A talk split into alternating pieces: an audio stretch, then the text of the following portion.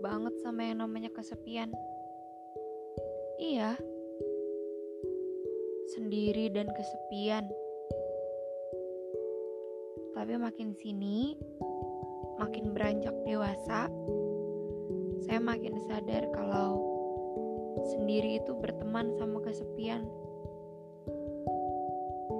Dan mereka pasti akan singgah dalam hidup kita nanti.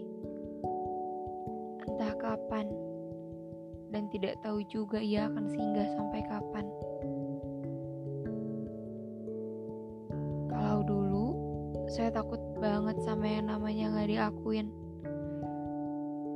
Saya takut banget sama yang namanya sendiri dan kesepian itu. Ya, tapi makin ke sini saya sadar juga kalau ternyata hidup gak cuma tentang pengakuan. Hidup gak cuma tentang sama-sama. Ya karena yang paling bisa diandelin kan cuma diri kita sendiri. Terus saya lebih memilih untuk sendiri dan kesepian daripada saya bersama-sama tapi tetap merasa kesepian. Karena itu rasanya lebih menyakitkan. Jauh lebih sakit. Oleh karena itu,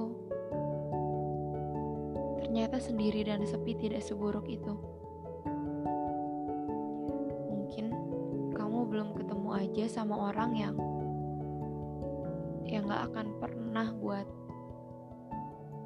kamu ngerasa sendirian apalagi kesepian. Karena orang yang tepat datangnya nanti di waktu yang tepat, bukan di waktu yang cepat.